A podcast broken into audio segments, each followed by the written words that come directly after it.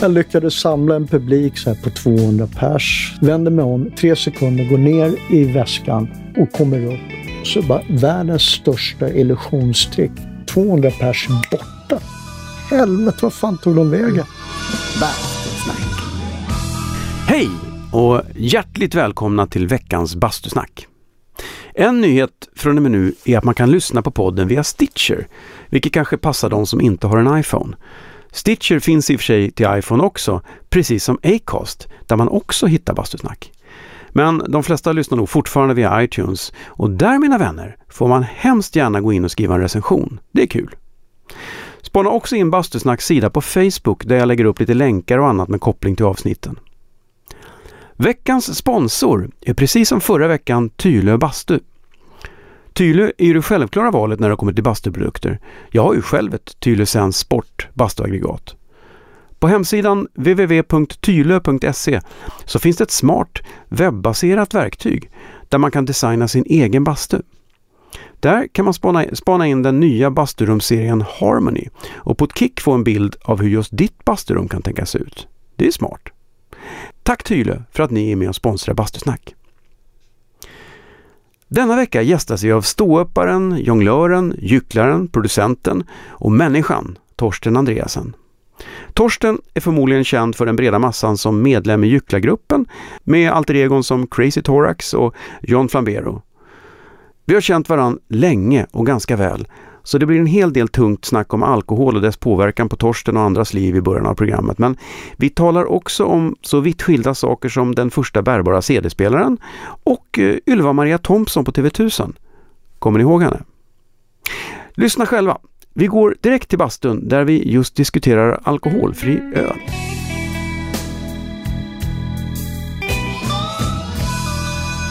Bastusnack.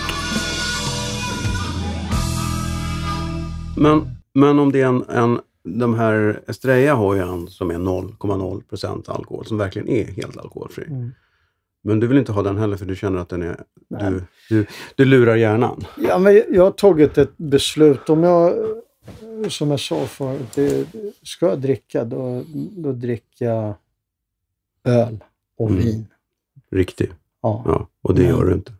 Nej, jag väljer bort det Ja. varje dag. Liksom. Varje Ja. morgon. Så, så bara, nej, jag ska vara nykter idag också. Nu kom vi in på det tunga direkt, men jag tänkte inte jag göra. Men skitsamma, vi kan göra vi kan ta det. Vi kan ta elefanten i rummet. Ja. Jag minns när jag ringde dig en kväll, år 2000 i januari, och, så, och ville gå på bio. Ja, Och du, eh, du var inte hemma, du satt ute på krogen och var inte helt nykter och jätteledsen och sa att du var alkoholist. Det var en ganska intressant korsning där. Eh, men, och jag kom dit istället för jag kände att här, och där satt du med någon kompis och, och, och så sa du, jag har insett det här att, och jag blev jätteförvånad. För jag hade aldrig sett dig som, som, som alkoholist. Vi hade umgåtts ganska intensivt de senaste åren där. ja, Sen när jag tänkte efter så var det mer så att ja, just det, vi kunde gå på tidiga bion för att se en film och sen var vi plötsligt hemma halv sex på morgonen. Och vad hände? Ja, vi hade, och vi hade så kul va? Ja. Och jag kände, mhm, vad, vad fan är det här? Och, och sen så, så sa jag, ja men Torsten, det är två saker du ska göra. Dels så måste du, imorgon så måste du gå till något ställe och söka hjälp, för det här klarar du inte själv. Och sen så måste du berätta det här för alla dina kompisar. Varför då? Vad- Vadå då? Jo, det är en jätteenkel anledning. Du är så fruktansvärt rolig att dricka öl med. Så du kommer aldrig klara det här om du inte berättar det för alla. ja. Och sen gjorde du det.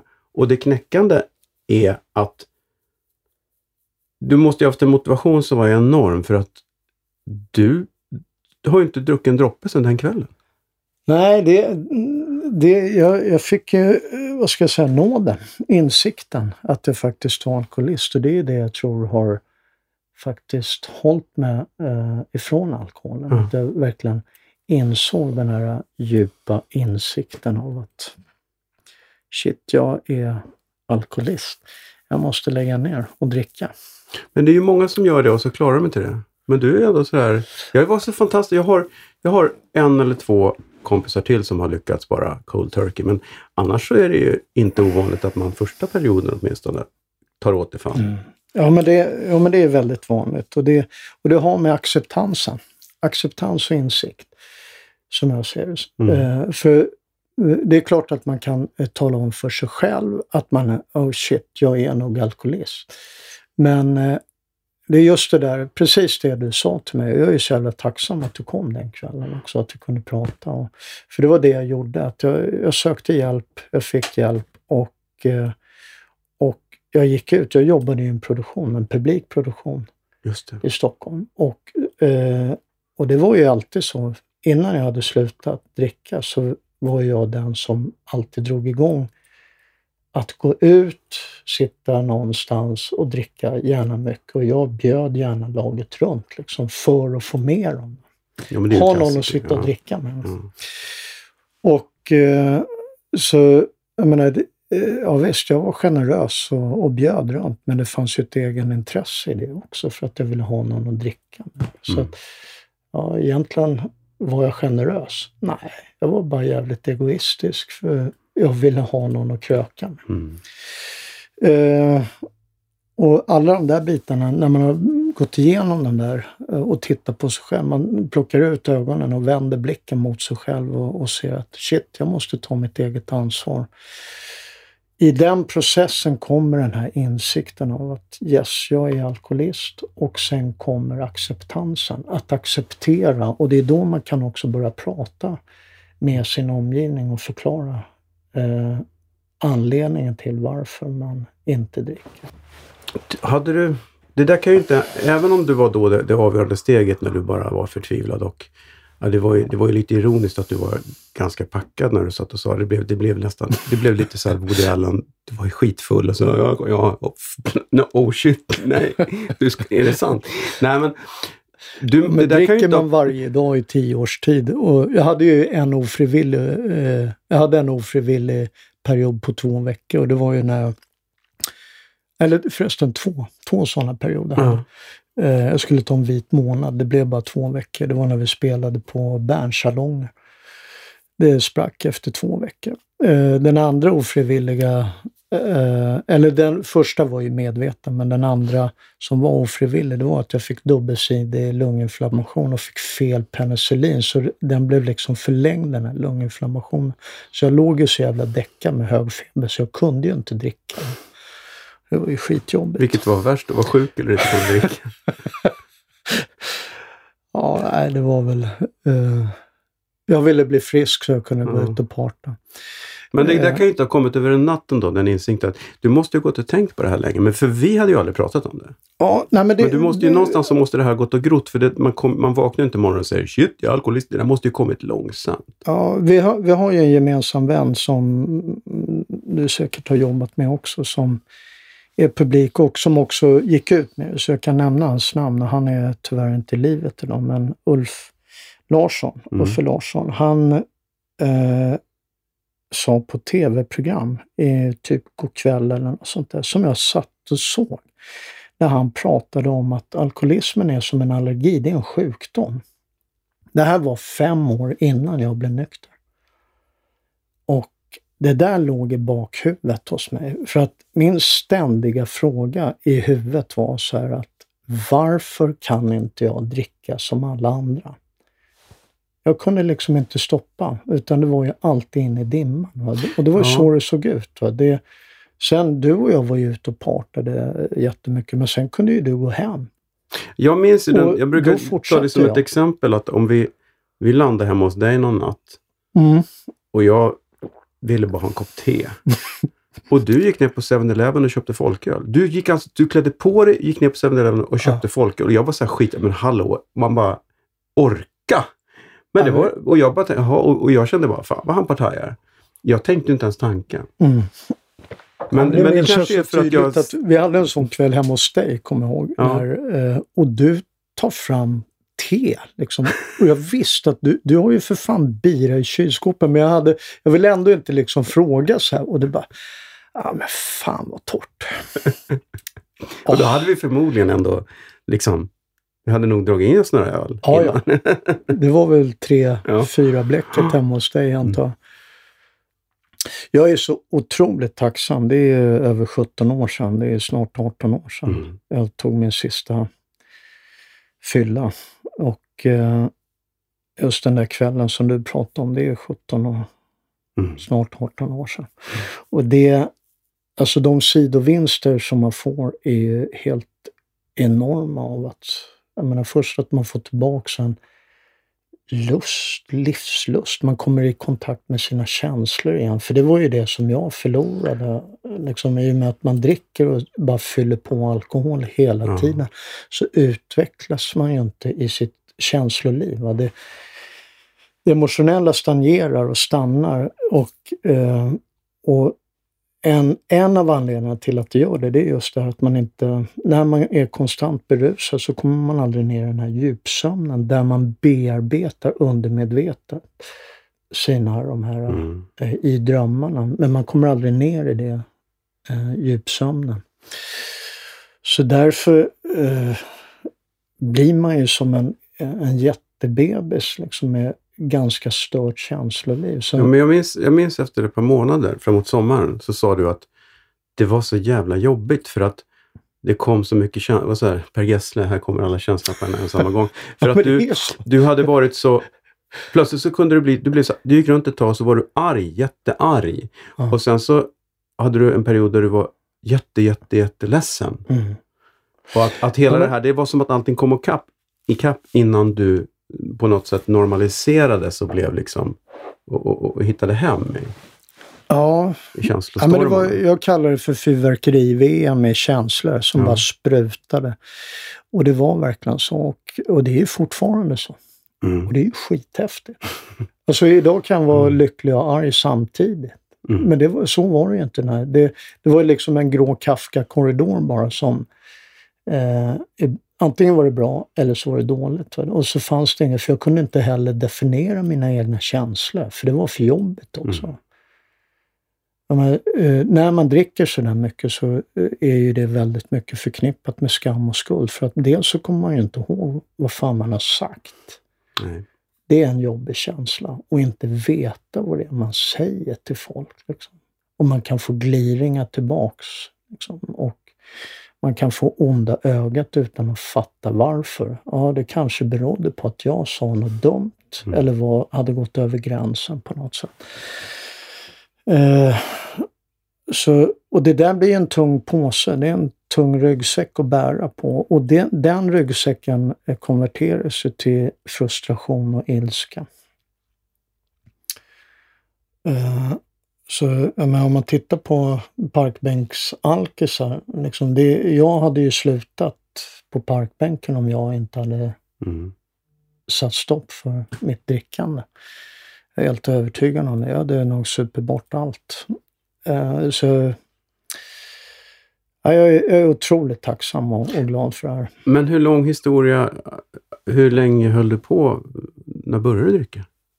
Ja, Jag tog ju Du, min... du hade du en tidig debut eller? Ja, jag hade extremt tidig bedu, bedut, debut. Är du riktigt nykter? Ja. Ja, jag, jag glömde det imorgon. Shotten. Eh, nej, skämt åsido. Jag, eh, jag tog min första medvetna fylla när jag var åtta. Eh, Åtta? Ja, åtta bast med Karlaplansgänget. Det gamla det beryktade Karlaplansgänget. Och vi hängde ofta nere på Djurgården. Och, Men, men vänta nu, bodde inte du i förorten då? Nej, jag, flyttade från, jag flyttade från Bredäng när jag var sju till Fältöversta. Aha, ja, då här fattar jag. Ja. socialgruppsprojektet där de skulle klassa ihop eh, klass 1 till klass 10 på fälten. De skulle se hur det funkade. Och, Det funkar sådär uppenbarligen. Nej, jag tyckte det funkade Ja. perfekt. Min första fylla var det bästa jag gjort någonsin. Jag mådde så jävla bra. Och idag förstår jag varför. För att jag har ju fått några fler diagnoser Mm. med, med tiden. Och idag är jag ju, har jag både ADHD och, och är bipolär. Och det kom sent i livet. Jag, jag blev, fick diagnosen 2009. Men är det hönan eller ägget?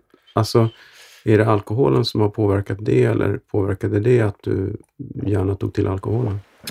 Eller har de inte med, är det en slump att det... Jag tror nog att den där eh, känslan av att det blev ett inre frid både i själen och i huvudet som det var konstant kaos i. va. Det är, att ha de här eh, diagnoserna så surrar det i huvudet hela tiden med, med tankar Mm. som bara sprutar hela tiden. Och när man dricker så planar det ut. Det är som en självmedicinering. Så det blev lugnt och stilla. Det märkte du redan som åttaåring märkte du att... Ja, det var så skönt. Och, jag tyckte det var, Mm. och sen att jag hade så jävla kul också. Och eh, alltså det låter konstigt, för det, jag har kommit hem två gånger. Liksom, för att när jag slutade så kom jag ju hem till mig själv. Liksom. Alltså när jag slutade att dricka alkohol Mm. så kunde jag ju komma tillbaks till mig själv och den jag faktiskt egentligen är. Liksom. Eh, men då var det, wow, det här var skönt. Så det sökte jag ju så ofta jag kunde. Men jag tror ju på att det, eh, alltså den här eh, forskningen som har pågått länge, just att det är en genetisk sjukdom. Mm. Och den har jag. Eh, För det, det finns i... Det finns bakåt. Ja, Ja. bakåt i- Men det var det jag tänkte komma på också, att, att, att du är åtta år, du och tar en fylla.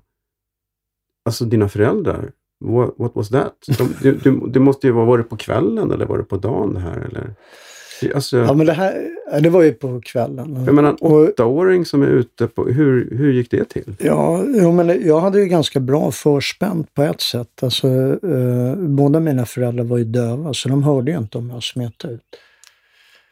Och sen så var ju min far alkoholist, så att när han hade, då var ju han lite wasted, så då hade han ju ingen koll. Liksom.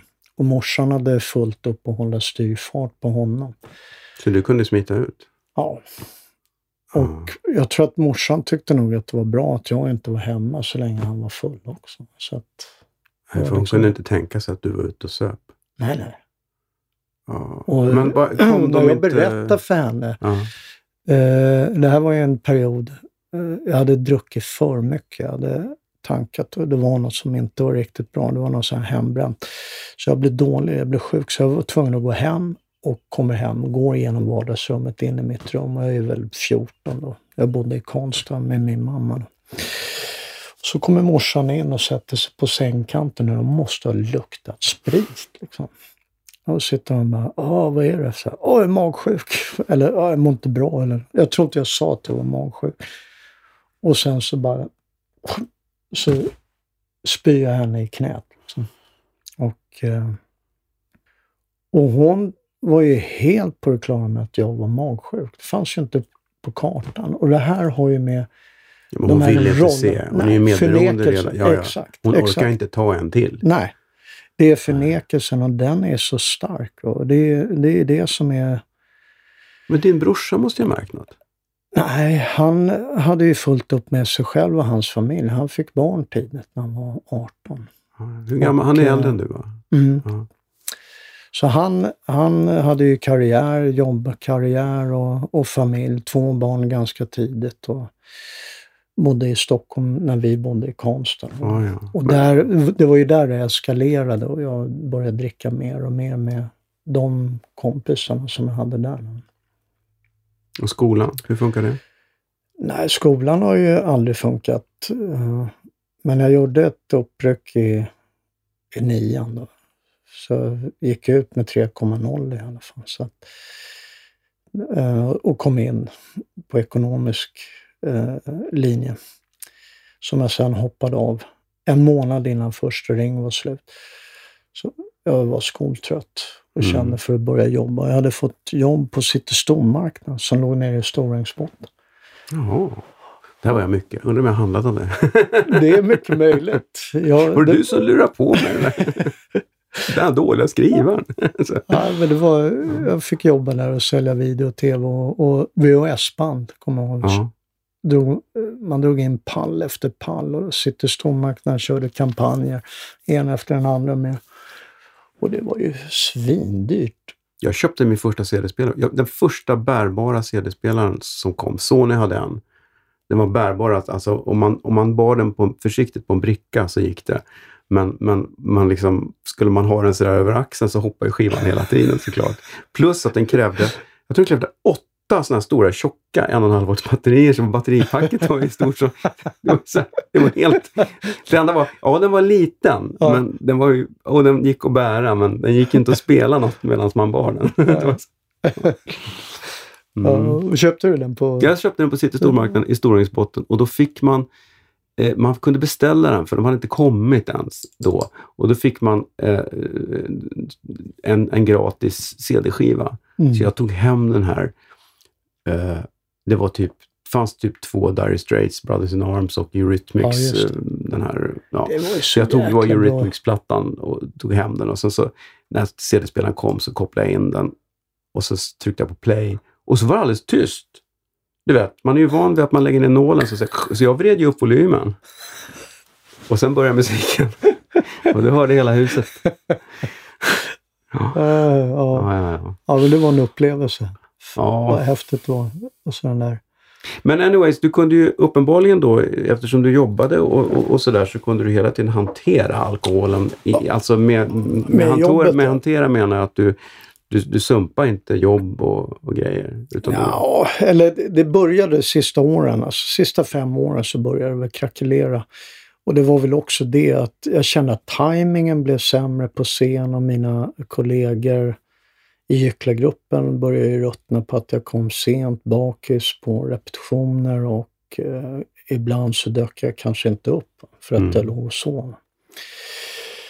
Och eh, så eh, men jag var faktiskt disciplinerad här. Alltså jag drack aldrig innan gig. Jag kunde någon gång sista åren sådär spräcka det där för att jag var så jävla törstig. Jag kunde ta en mellanöl till lunch om jag visste att jag hade ett gig 22 på kvällen. Mm.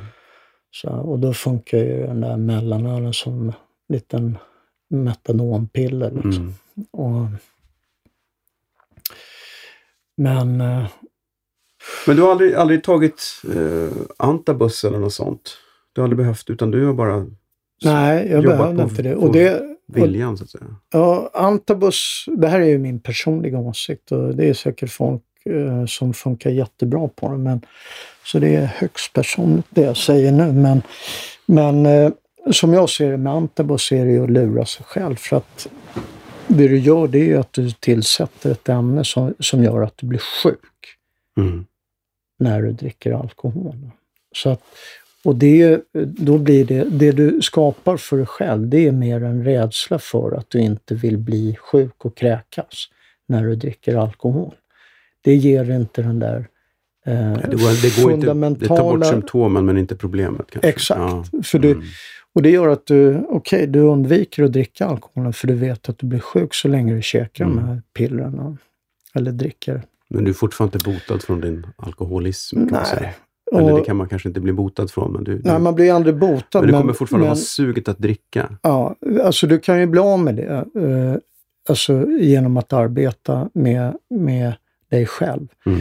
Och, och det är det, alltså det jag pratar om nu med alltså just den här insikten. Om du börjar käka antabus, då behöver du inte riktigt ta tag i dig själv.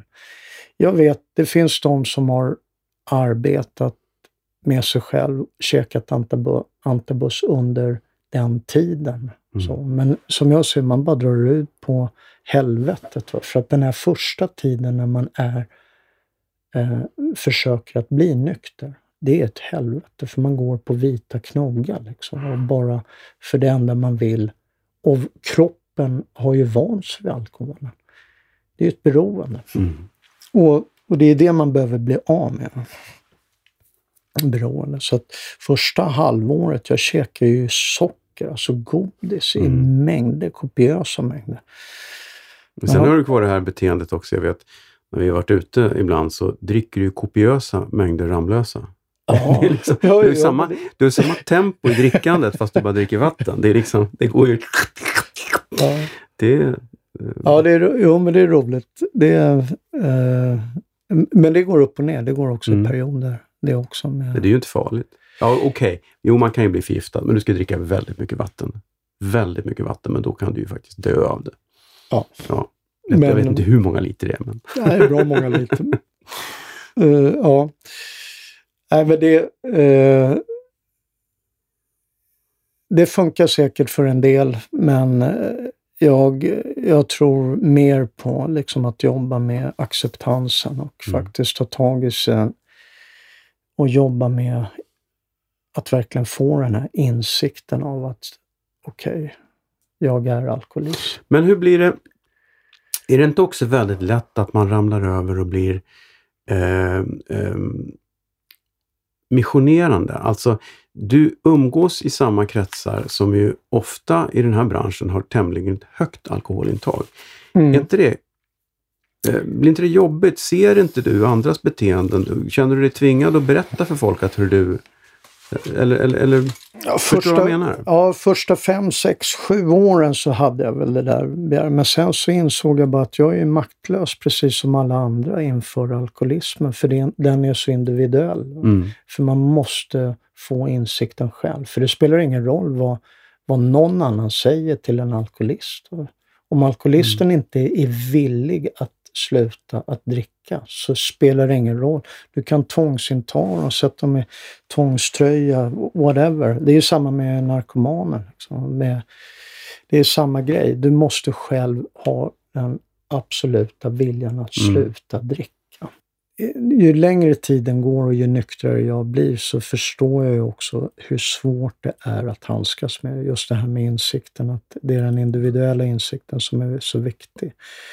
Och, och där, med- åren så har jag ju behövt, eh, jag blir uppringd av vänner och bekanta.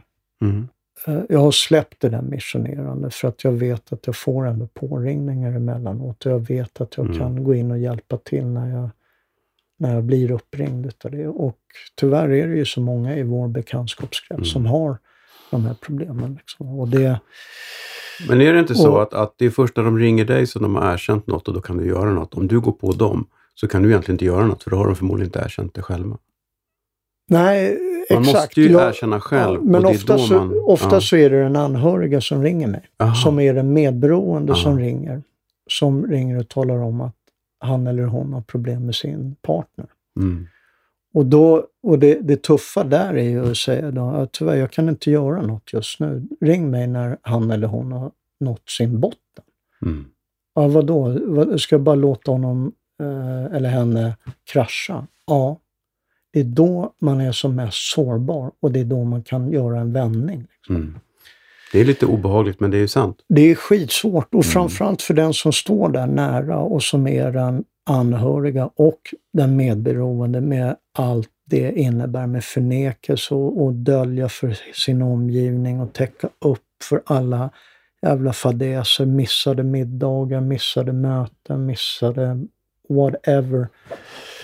Att inse shit, för det jag oftast behöver säga också, det är det här att om du vill hjälpa din partner, då ska du dra. Att behöva säga det till någon, och hjäl- alltså om man ska vara ett stöd, så blir de ju oftast eh, väldigt provocerade Mm. av det. Mm. Men jag älskar ju honom eller henne.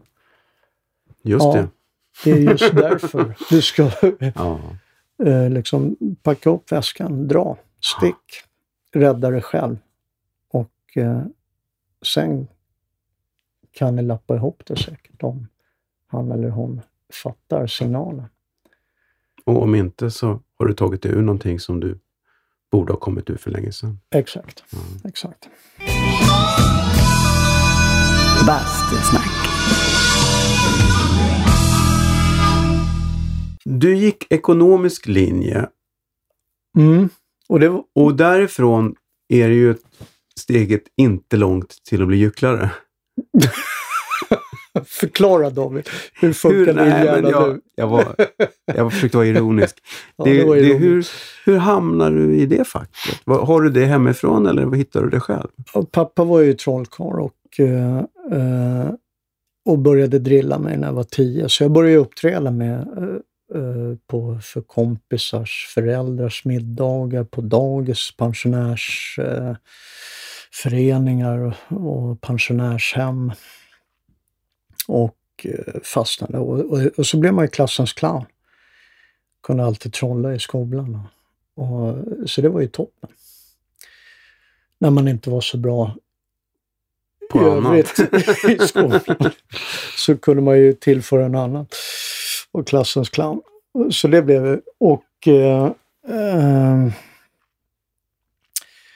och sen, det gick bra. Jag vann tävlingar, vann någon talangjakt här, någon talangjakt där och sen eh, svenska mästerskapen kom jag tvåa i. Och i nordiska mästerskapen kom jag tvåa i. Hur gammal är du då?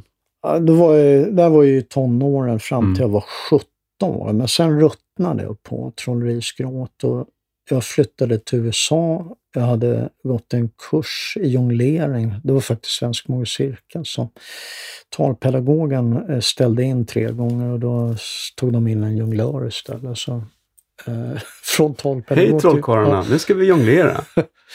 jag tyckte det var skithäftigt. Så då fick jag, kunde jag både trolla och jonglera. Och, eh, och så började, hade jag ju uppträtt på gatan. Så jag uppträdde på gatorna när jag bodde i USA ett år. Och eh, fick blodad tand för gatuartisteriet. Och såg de här stora stjärnorna på Venice Beach och Fisherman's Wharf i San Francisco. och New York eh, såg jag grymma gatuartister också.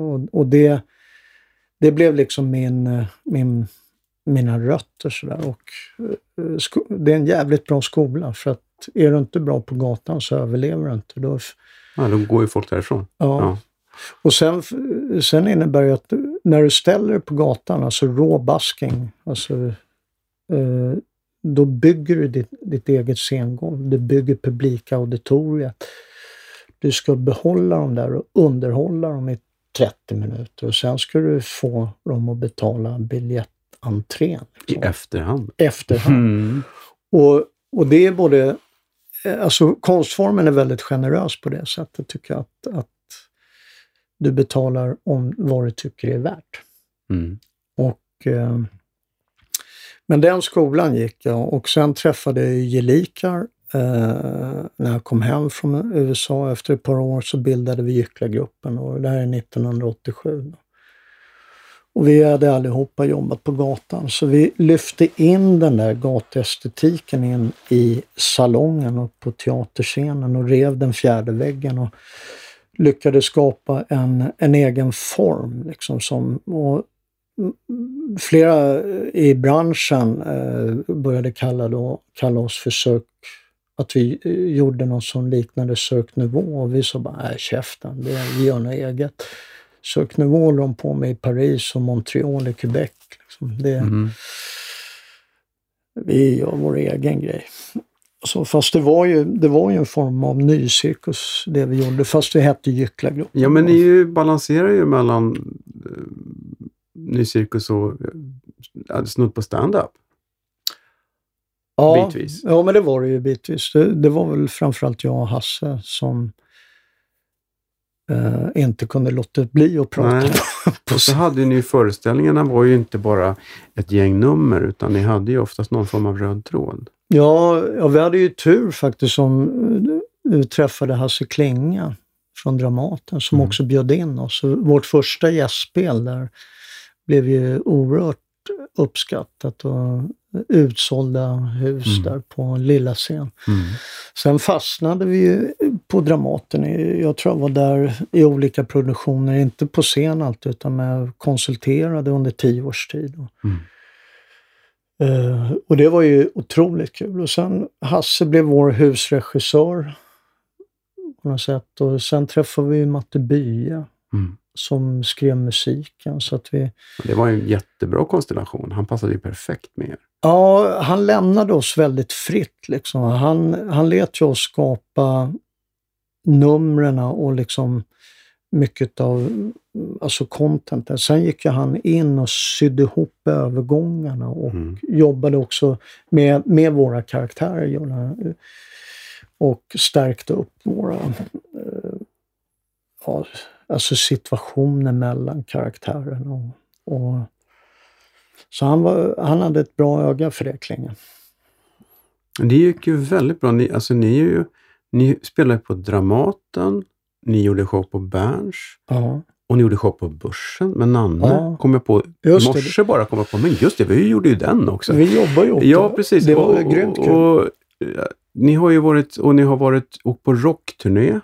Ja, På, just det. Vi, och Cirkus Broadway, Ja. det var en av de stora Ja. vi hade i början, Ja. 88. Så det det var var ju ju häftigt. verkligen, ni har ju verkligen haft, hade ni varit ett band så hade ni varit liksom ett av de absolut största. Med tanke på vilka gig ni hade. Och jag, och jag, jag har tänkt många gånger, för när man googlar på Gycklargruppen Mm. så hittar man ju ingenting på Youtube idag. Det finns några få klipp som jag har laddat upp när vi gjorde vårt 20-årsjubileum. För då, Mm. då hade ju internet och Youtube fått en form 2007. Du får ge mig de länkarna så lägger jag det på Bastusnacks Facebook-sida så kan folk hitta dem. Ja, men det ska Mm. jag. Bra tips. Men eh, eh, jag tänker att eh, om det hade funnits, om Youtube hade funnits då, när vi, då hade vi blivit väldigt virala. Liksom. Mm. För konstformen är ju väldigt tacksam och Mm. viral. Så. Eh, om man tittar på Talang idag till exempel så är ju många av de här akterna som, som breakar på grund av att deras eh, klipp blir så Mm. otroligt virala. Men jag tycker ni skiljer er från det här med att vara i en egen form. Eh, Christer Lindarw och After Dark, de skapade ju en helt egen genre där dragshowen blev en show och en föreställning och inte bara någon som mimar till en skiva i klänning. Nej. Jag de var ju tycker, unika. Ja, och ingen har riktigt kommit efter dem och ingen kan riktigt eh, ta över den kronan nu när de, när de lägger ner. För att det finns ingen, det finns dragshowgrupper men det finns ingen som gör det på det sättet. Och ni var lite Men- lika, för jag tycker jag har sett mycket gycklarföreställningar hit och dit. Men det är nästan alltid nummerbaserat och det finns inte en, en hel tanke bakom. Ni, ni byggde ju en genre, era föreställningar var ju liksom en...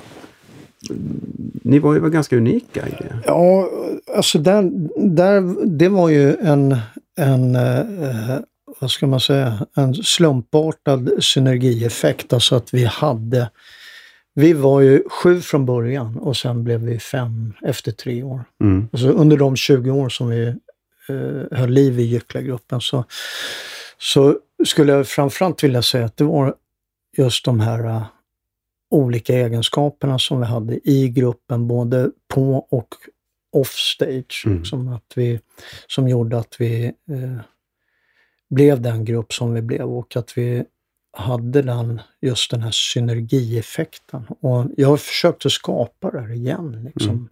Skapa eh, en ny konstellation efter vi la ner Gycklargruppen. Och det var ju en sorg. Det var ju som en skilsmässa, att skilja sig från Mm. sina bästa vänner som man har eh, liksom levt med eh, i 20 år. Mm. Liksom. Och, men det... eh, Och jag förstår, After Dark hade ju också sin uh, synergi. Det är Christer Lindarw och eh, Lasse Mm, Flinkman. ja, som... Mm. eh, och, och också de andra, Nils Albert som, Mm. som finns med där Mm. också. Som är liksom en, den perfekta partnern. Liksom, i, Men det fanns också en tanke, de, de har ju också en tanke med föreställningarna. En, en, en, en, ett, start och, och en mitt och ett slut och det har ju Mm. ni också. ja, Ehm, men berodde det väldigt mycket, alltså är, beror det på att det fungerade så bra? Beror det på att ni, är, ni som individer, att det här kollektivet funkade så bra ihop? ja vi, vi, hade, vi hade väldigt hög acceptans gentemot Ja. varandra. För ni är ju väldigt olika som människor. Vi är extremt olika Ja. som människor. Och, men det var ju det som också kompletterade oss Mm. och, och skapade de här synergieffekterna. Vi var olika på scen också och, och att vi, vi hade ju olika discipliner. Mina tre discipliner var ju ma- illusioner, magi, akrobatik och jonglering. Fredrik var eldslukare. Bert började med fakirkonst. Han var en av akrobaterna. Per var den andra akrobaten. Och, eh, Hasse var ju vårt språkrör Mm. i mångt och mycket. Men han, gjorde ju, han var ju inne och fuskade lite överallt. Och både akrobatik och jonglering. Och så. Men han var ju den som kittade ihop föreställningarna. Och, eh, Han är väl egentligen den mest renodlade skådespelaren av er kanske? Ja, och det, han gick ju den banan Mm, efter också mm. och gjort många fina uppsättningar med Teater 3 och eh, Teater Perron. Mm. Så. Eh, och det har ju även Per och Bert gjort. De jobbade ju och skapade ju många såna barnföreställningar Mm. med Teater 3 och turnerat runt om i världen. Jag är väl den som har blivit, eh, blivit kvar vid min läst. Liksom. och gick dessutom tillbaka till mina ursprungsrötter, gatuartisteriet. Så jag gjorde comeback 2012 i Edinburgh på Fringe-festivalen, världens största humorfestival. Och varje år samlas det ungefär 100 gatuartister och så går man dit på morgonen, samlas, då är det en dragning, man slänger ner sitt pass och så är det dragning och så får man signa upp på de här stora pitcherna. Det finns sju stora pitcher i Edinburgh. Mm. Och då hade ju inte jag stått på gatan på 20 år liksom, och varit ganska bortskämd. Alltså, mm. Och det var rena självmordet, för jag ställde mig på Royal Mile, den stora huvudgatan i Edinburgh. Och totalt självmord. jag lyckades samla en publik så på 200 pers. Så man, först, man, man behöver ju bygga sin publikcirkel ja. och då bränner man ju inte sina bästa nummer. Utan då har man ju bara sådana här, som man kallar building the audience, building the circle. Och och, och, när jag hade gjort det så tänkte jag, vänder mig om, tre sekunder, går ner i, i väskan, min gigbag och kommer upp. Och så bara, världens största illusionstrick. 200 pers borta. De bara, jag tappar publiken. Vad i helvete, vad fan tog de vägen? Du hade inte de fyra sekunderna? Bara... Och så bara fick börja bygga om. Hände samma grej igen. Jag bara, what the fuck? Sen gör jag, jag avslutar den där föreställningen med en ganska spretig publikcirkel och bara what? Vad gjorde jag? Vad, vad, hade jag liksom? Vad hade jag för knep? Hur behöll jag dem? Och tog fem, sex shower innan jag började hitta tillbaks mm. till det. Och det är just det där, släpp aldrig publiken. Och, det kan du ju göra om du, Gycklargruppen har sålt biljetter på Dramatens lilla scen. Det sitter en publik där då kan ni ju gå av scenen i två minuter. Folk kommer ju sitta kvar ändå. Exakt. Tills ni kommer in igen, för de ja. har ju redan betalt. De har betalt. De vill ha valuta för pengarna. Mm. Deliver för fan. På gatan är de ju på väg någonstans. Mm. Och så fångar du deras stund mm. och lyckas få dem att stanna upp en halvtimme. Det, det är ju det som jag ser är själva konstformen. Sen vad du fyller det med, det, det är en annan sak. Mm. Det, då kommer du in på olika discipliner. Du kan vara dansare, musiker eller cirkusartist eller varietéartist.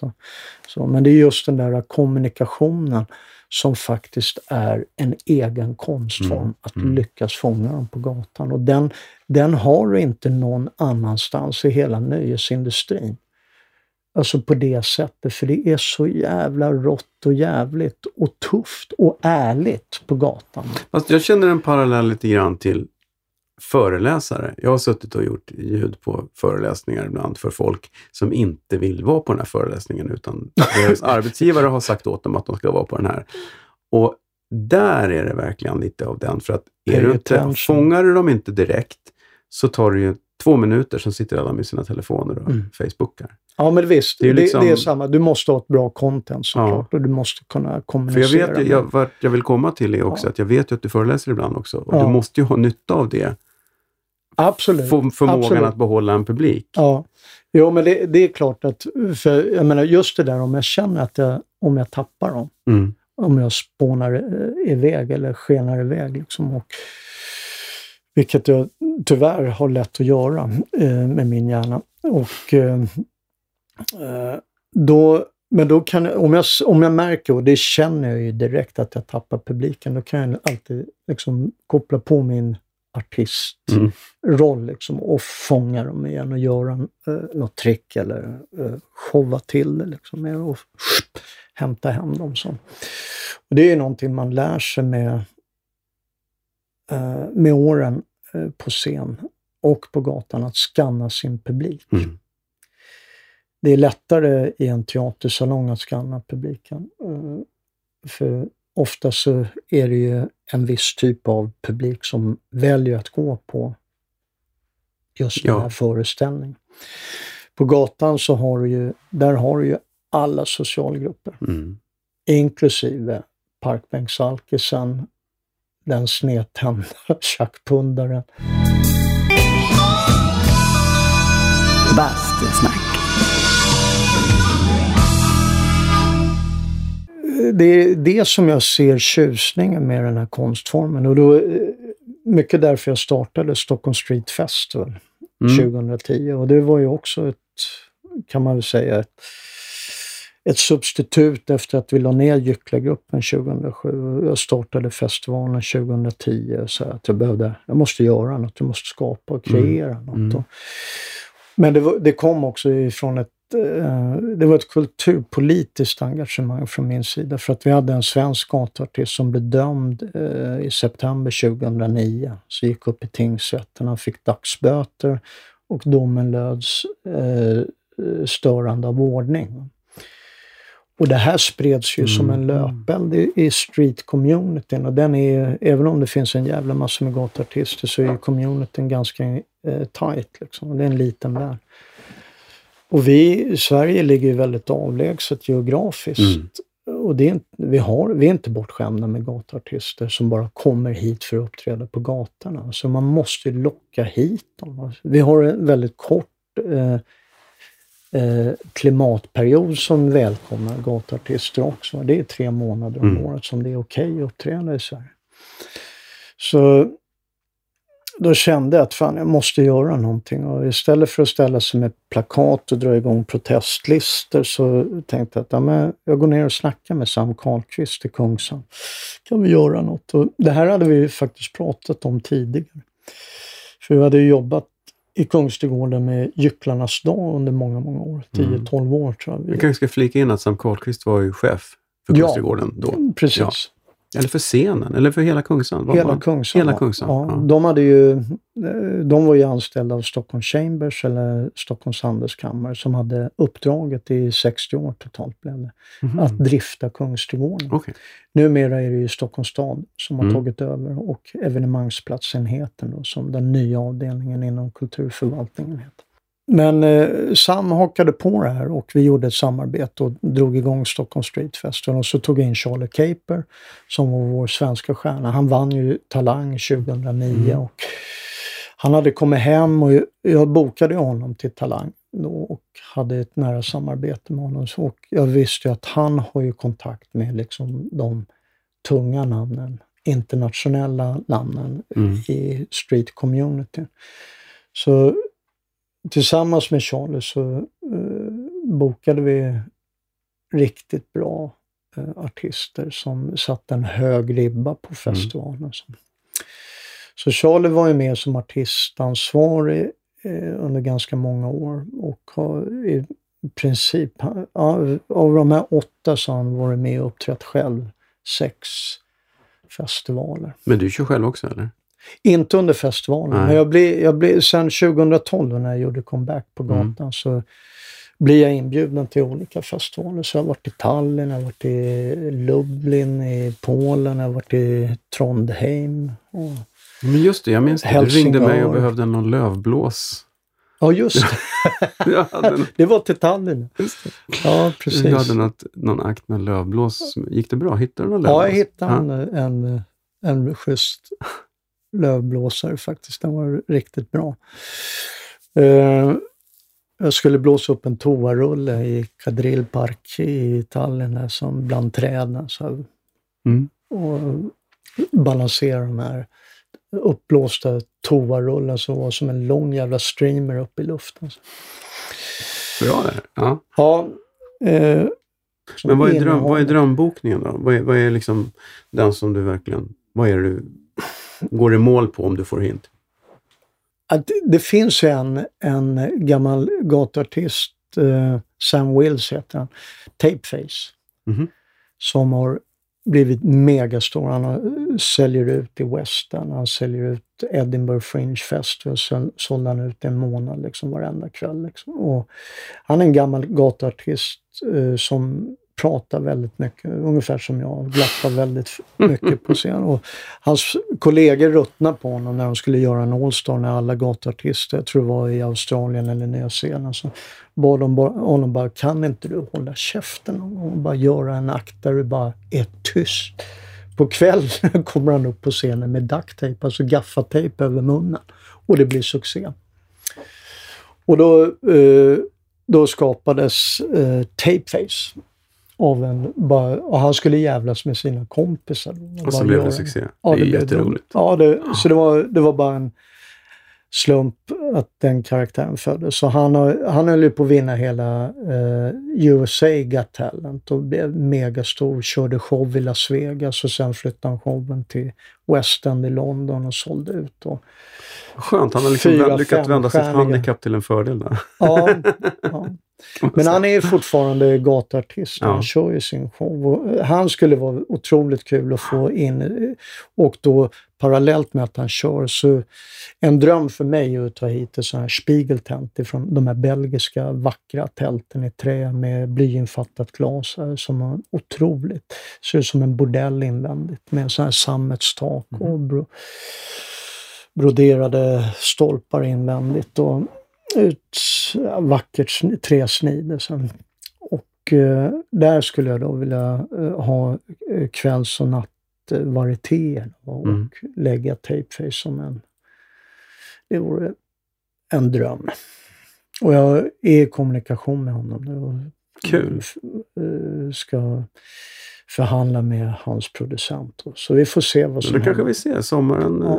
2018. Kanske vi får se Kanske. Tapeface. Eller Ja. 19. Det beror på. Eller Han är, han är otroligt uppbokad. Liksom, så att, men passar hans agenda så har han sagt själv att han gärna skulle vilja komma till Stockholm. Bastusnack. Jag ska eh, bara återkoppla till det du pratade om föreläsning. Det är ju samma sak med företagsgiggen Mm. där faktiskt, att det kan vara väldigt svårflörtat Mm. ibland. För det är en festkommitté på tre eller fem pers som har bestämt Mm. innehållet och, ska, och sen är eh, resten av personalen är ibland tvångskommenderade att vara med och de är inte alls sugna att se på den här lällen som kommer upp på scenen eller Nej, de vill ju snacka och dricka. ja, då är vi Mm. parta. Mm. Och jag minns alltså tidigt i karriären, 85-86, efter Upp och roa, första försöket att etablera stand-up i, Sverige. Mm. Det var ju Janne Nilsson och eh, Olle Schelén på Berns salonger som körde Upp och roade. Mhm. Sen bokade de eh, mig och Micke Dubois, Svullo, på turné. Så vi gjorde ju diskoteksturné. Det var ju poppis på 80-talet att ha underhållning. Stänga av all musik klockan 12 och slänga in en jävla trollkarl eller dansuppvisning eller Mm. Och jag skulle in och köra våra improviserade galenakter. Liksom. Det var ju så här. Det blir, kunde bli vad som helst med dem. Ja, alltså det var ju, varannan show var ju så här, hade publiken haft med sig tomater så hade vi varit besudlade. va. För vi improviserade ju bara. Va? Vi hade med oss en gigbag in på, på scenen, men vi hade ingen aning om vad vi skulle göra. Vi stoppade ner handen, tog upp, whatever vi tog upp så blev det det liksom. Fan att inte YouTube fanns då. Eller Ja, mobilkameror. det, ja, ibland, ibland är jag tacksam för att det inte fanns. Men. Ja, vi hade så jävla roligt ändå, Micke och jag, när vi turnerade. Det var otroligt kul. Jag är väldigt glad att jag fick lära känna honom. Han var en otroligt fin kille. Han var ju väldigt lös. Ja, det var han. Fullständigt. Ja, Men befriad. körde han då den här, han hade någon akt som hette Captain, Captain Freak Captain Freak. ja. Alexandra. Just det. Och han gjorde bara äckliga saker. Ja, fullständigt groteska. Och det, han var ju väldigt inspirerad och det var jag också, men av Django Edwards liksom, som var en förebild. Ja, Alltså, känner jag inte till alls. Det får vi kolla upp. Nej, Django Edwards var en Ja. underbar galen eh, personlighet från både Holland mycket och England och turnerade, gjorde mycket festivaler. Fullständigt. Han är ett, Django Edwards är ett kapitel för sig. Mhm. Finns han på YouTube? Ja, Bra. han finns Då faktiskt. kollar vi det. Lägger upp några länkar också. Fans som har lagt upp honom på... Men vad är det vilken tidsepok är det? Är det? Ja, det här är 80-tal. Alltså Django började väl tidigt, eller sent 70-tal och eh, 80-talet så var han ju stor. Och han var i Sverige och gjorde shower och drog mycket för. Han blev så här kultförklarad. Aldrig hört talas om honom, men, men man kan ju inte höra talas om allt. Men nu har jag hört talas om Ja. honom. Ja, Ja, fantastisk artist. kul. Och, men han och, Chaplin och Buster Keaton var ju såklart förebilder för min del. Så här. Och Steve Martin. Mm. Alltså han var ju ståuppare och eh, jonglör och trollkarl. Mhm. Så han blandar ju stand-up och trolleri och jonglering. Och det var ju det jag gjorde sen när jag hamnade på Norra Brunn. Ja. Jag körde ju från 92 till 2002 på Norra Brunn och fick ynnesten att vara med på Slängd i brunnen och det var ju vilken reklampelare. Alltså, Ja, det är en boost för karriären. Det var ju på den tiden folk tittade på TV. exakt, Ja. exakt. Så jag levde i tio år på det där. Bra. Och det represserades ju och eh, ja. Och så hade jag ju tur också att eh, Leif Furuhammar som var tv-krönikör i DN, han gillade, han fastnade för mig på något sätt och skrev att eh, den enda upprättstående komikern vi har i Sverige det är Crazy Torak som jag gick under namnet. Eh, de andra kan slänga sig i väggen. Eh, det var Leif Furuhammar som sa detta, alltså inte jag. Det var, det var, Nej, det fast var- du tänkte det säkert. Nej. nej verkligen inte. Nej, men du har alltid varit väldigt bjussig mot kollegor. Ja, det måste man vara. Man, Ja, det är en sån liten man, bransch, Man, ja. Det är en sån liten bransch. Man måste hjälpa och stötta varandra och det har jag alltid ansett. Liksom. Jag fattar inte konkurrenstänket överhuvudtaget. För jobbar man med, med eh, cirkus, varieté eller stand-up också, som de första 20 åren var väldigt smalt. Liksom. Nu Mm. har det ju fått en nu har det ju blivit befäst och nu är det ju ett vedertaget genrebegrepp inom nöjesindustrin. Men, men det var det ju inte. Det dippade ju efter ett tag. Efter Mm. tio år så gick det ju ner. Va? Sen dök de här unga nya, Östnöjen och Jakob Westin och, Mm. och Janne Westlund med Stockholm Live. Då fick det ju en ny tändning Mm. igen. Och, och så har ju Babben och Adde och Thomas Oredsson, de har ju gjort väldigt mycket genom eh, Dramatiska institutet och slussat ut en väldig massa med elever. Och, Just det, de har en utbildning där. Ja. Ja. och, eh, så, nej men de har gjort, jag skulle vilja säga, de har gjort enormt mycket tillsammans med den yngre generationen för att etablera och befästa stand-upen som en, Mm. en nöjesform. Ja. Hur skulle du se på dig själv idag? Eh, jobbar du mest som producent nu? Eller som liksom Ja, jag- showartist eller vad ska man säga? Ja, 75 procent skulle jag nog vilja säga. Och det, jag vill ju inte lämna artisteriet. Jag tror inte att jag skulle klara av att lämna scenen helt och hållet. Så jag är ju tacksam för alla jobb som dyker upp. Så har ni en firmafest eller en 60-årsfest eller 50, det går bra med 30-40 också, så är det bara att höra av er. Eh, tack för den. Och din hemsida heter? www.torsten.se med HTH. Torsten.se med TH. Eller är det thorsten.se bara? Va? Ja. thorstn.se. Ja. Eh, Jag länkar så fint från Bastusnacks. Ja, Fan vad mycket länkar det blir den här veckan. oj, oj, oj. Gud vad jag får länkar. Ja. Jag, jag, Jag måste gå med i länkarna helt enkelt. aj, aj. Det har blivit dags för Skämskudden. Herregud vad pinsamt. Skämskudden. Nej, inte den där gamla demon. Har du någon skämskudde? Oj. Jag har ju jättemånga skämskuddar. Du vet ju min bakgrund. Så att, Nu pratar jag eh, inte privat, nu pratar jag artistiskt. Ja, men det, det går hand i hand. Eh, eh, så hur lång, hur lång tid har jag på mig? Ja, jag kan klippa ner det till 30 sekunder om det skulle Ja. vara riktigt... Nej, men du Ja, har... nej men alltså om du vill ha det finns ju tv-program. Jag, jag menar, vi var ju, jag, jag har en riktig sån här skämskudde. Vi, vi behövde göra reklam. Vi ställde upp på allt som vi kunde göra i reklam för Unplugged var det.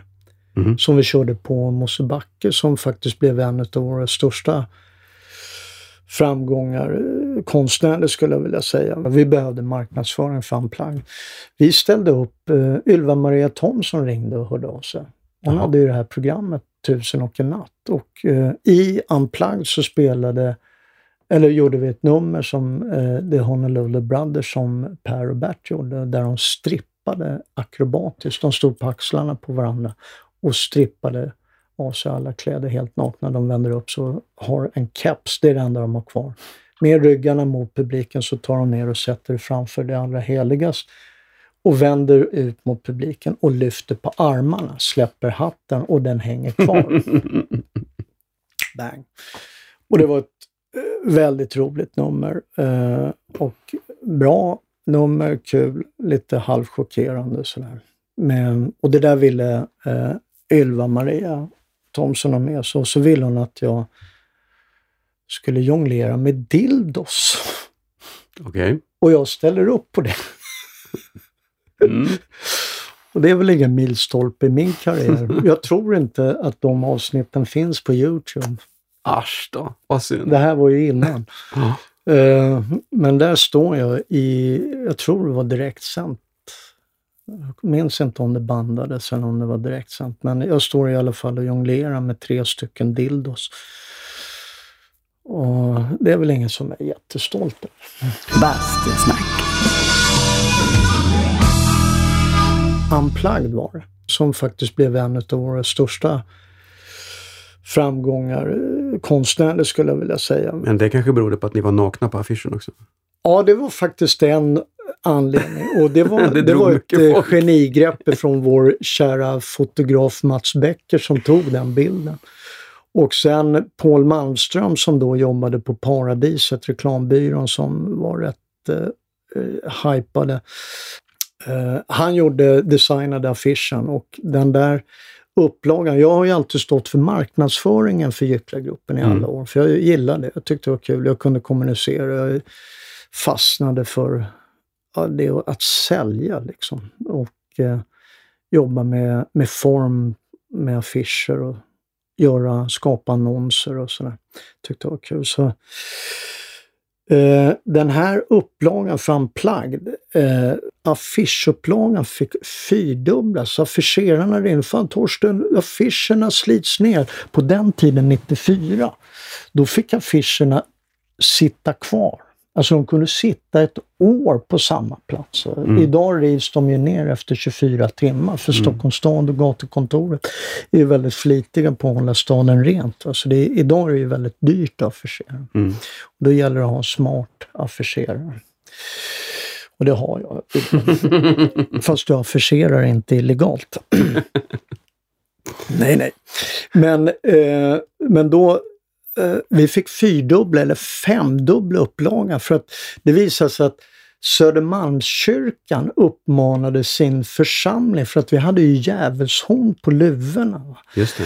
De uppmanas församlingen att slita ner denna diaboliska affisch. Så dels hade vi dem och vi, 94 så hade vi lyckats bygga upp en fanbase och folk, våra fans slet ner affischerna för de ville ha det i sovrummet eller på toalettdörren. Och eh, Lotta Bromé och Jonas Gardell diskuterade den här i radio, minns jag. Och, eh, det här var samtidigt med IKEA-arslet, Anna Järphammar och eh, Anne-Nicole Smith var ju en sån här trafikfara Mm. med den här baddräktsreklamen för H&M och sådär. Och samtidigt så var ju alla eh, Kiss, Nirvana, Eric Clapton körde ju Unplugged. Så vi satte över våra nakna bröst här, eh, namnet på föreställning Unplugged och så hade vi snopparna instoppade. Briljant. Och det är klart, det drog ju mycket folk. Mycket 40-plussare, ensamstående mammor. Nej, eh, men eh, ja, det, blev, det blev en eh, vad ska man säga, en publiksuccé på Mosebacke det var långa köer utanför som sträckte sig ända ner till Götgatan. faktiskt. Wow. Så vi kunde ju inte släppa in alla människor. Så vi fick förlänga och förlänga och förlänga, satte upp den på nytt. Så vi spelade den där föreställningen under tre års tid i olika perioder. Och däremellan spelade vi på Dramaten. Vi spelade, inte med den då, utan andra föreställningar. Jag hade ju ynnesten att få spela med Jan-Olof Strandberg, Mm. Ernst-Hugo Järegård och Thomas Bolme. Och Matti Bye skrev musiken till Resor med moster Augusta som Mm. såklart då regisserades av Hans Klinge. Bastusnack. Nu tycker jag att det börjar bli riktigt varmt och jag vet att det är minst 15 grader fortfarande i sjön. Så att, eh, vågar du Wow. hoppa i? Ja, det blir en chock för kroppen, men ja, om du hoppar i så hoppar jag i Mm. David. Du Stenhårt. först. Stenhårt. Okej, då kör vi. Ja. Tack. Bastusnack. Torsten Andreasen alltså. Jag kan meddela att Torsten överlevde badet om än något chockad. Men han fick snabbt upp värmen igen i bastun. Och det påminner mig om att nämna att veckans sponsor och välgörare är Tylö bastu. Jag är otroligt nöjd med mitt Tylö Sense Sport bastuaggregat. Det är snyggt, det är säkert och det är energisnålt. Gå in och läs mer på www.tylö.se där du också kan designa ditt eget basturum med deras smarta webbverktyg. Eller kanske bara köpa en praktisk bastukilt. Tack Tylö för att ni är med och sponsrar podden. Kolla in Bastusnacks Facebook-sida där jag kommer att lägga upp en del av de länkar vi snackar om i podden. Vi hörs nästa vecka med ett nytt svettigt avsnitt. Basta försiktigt!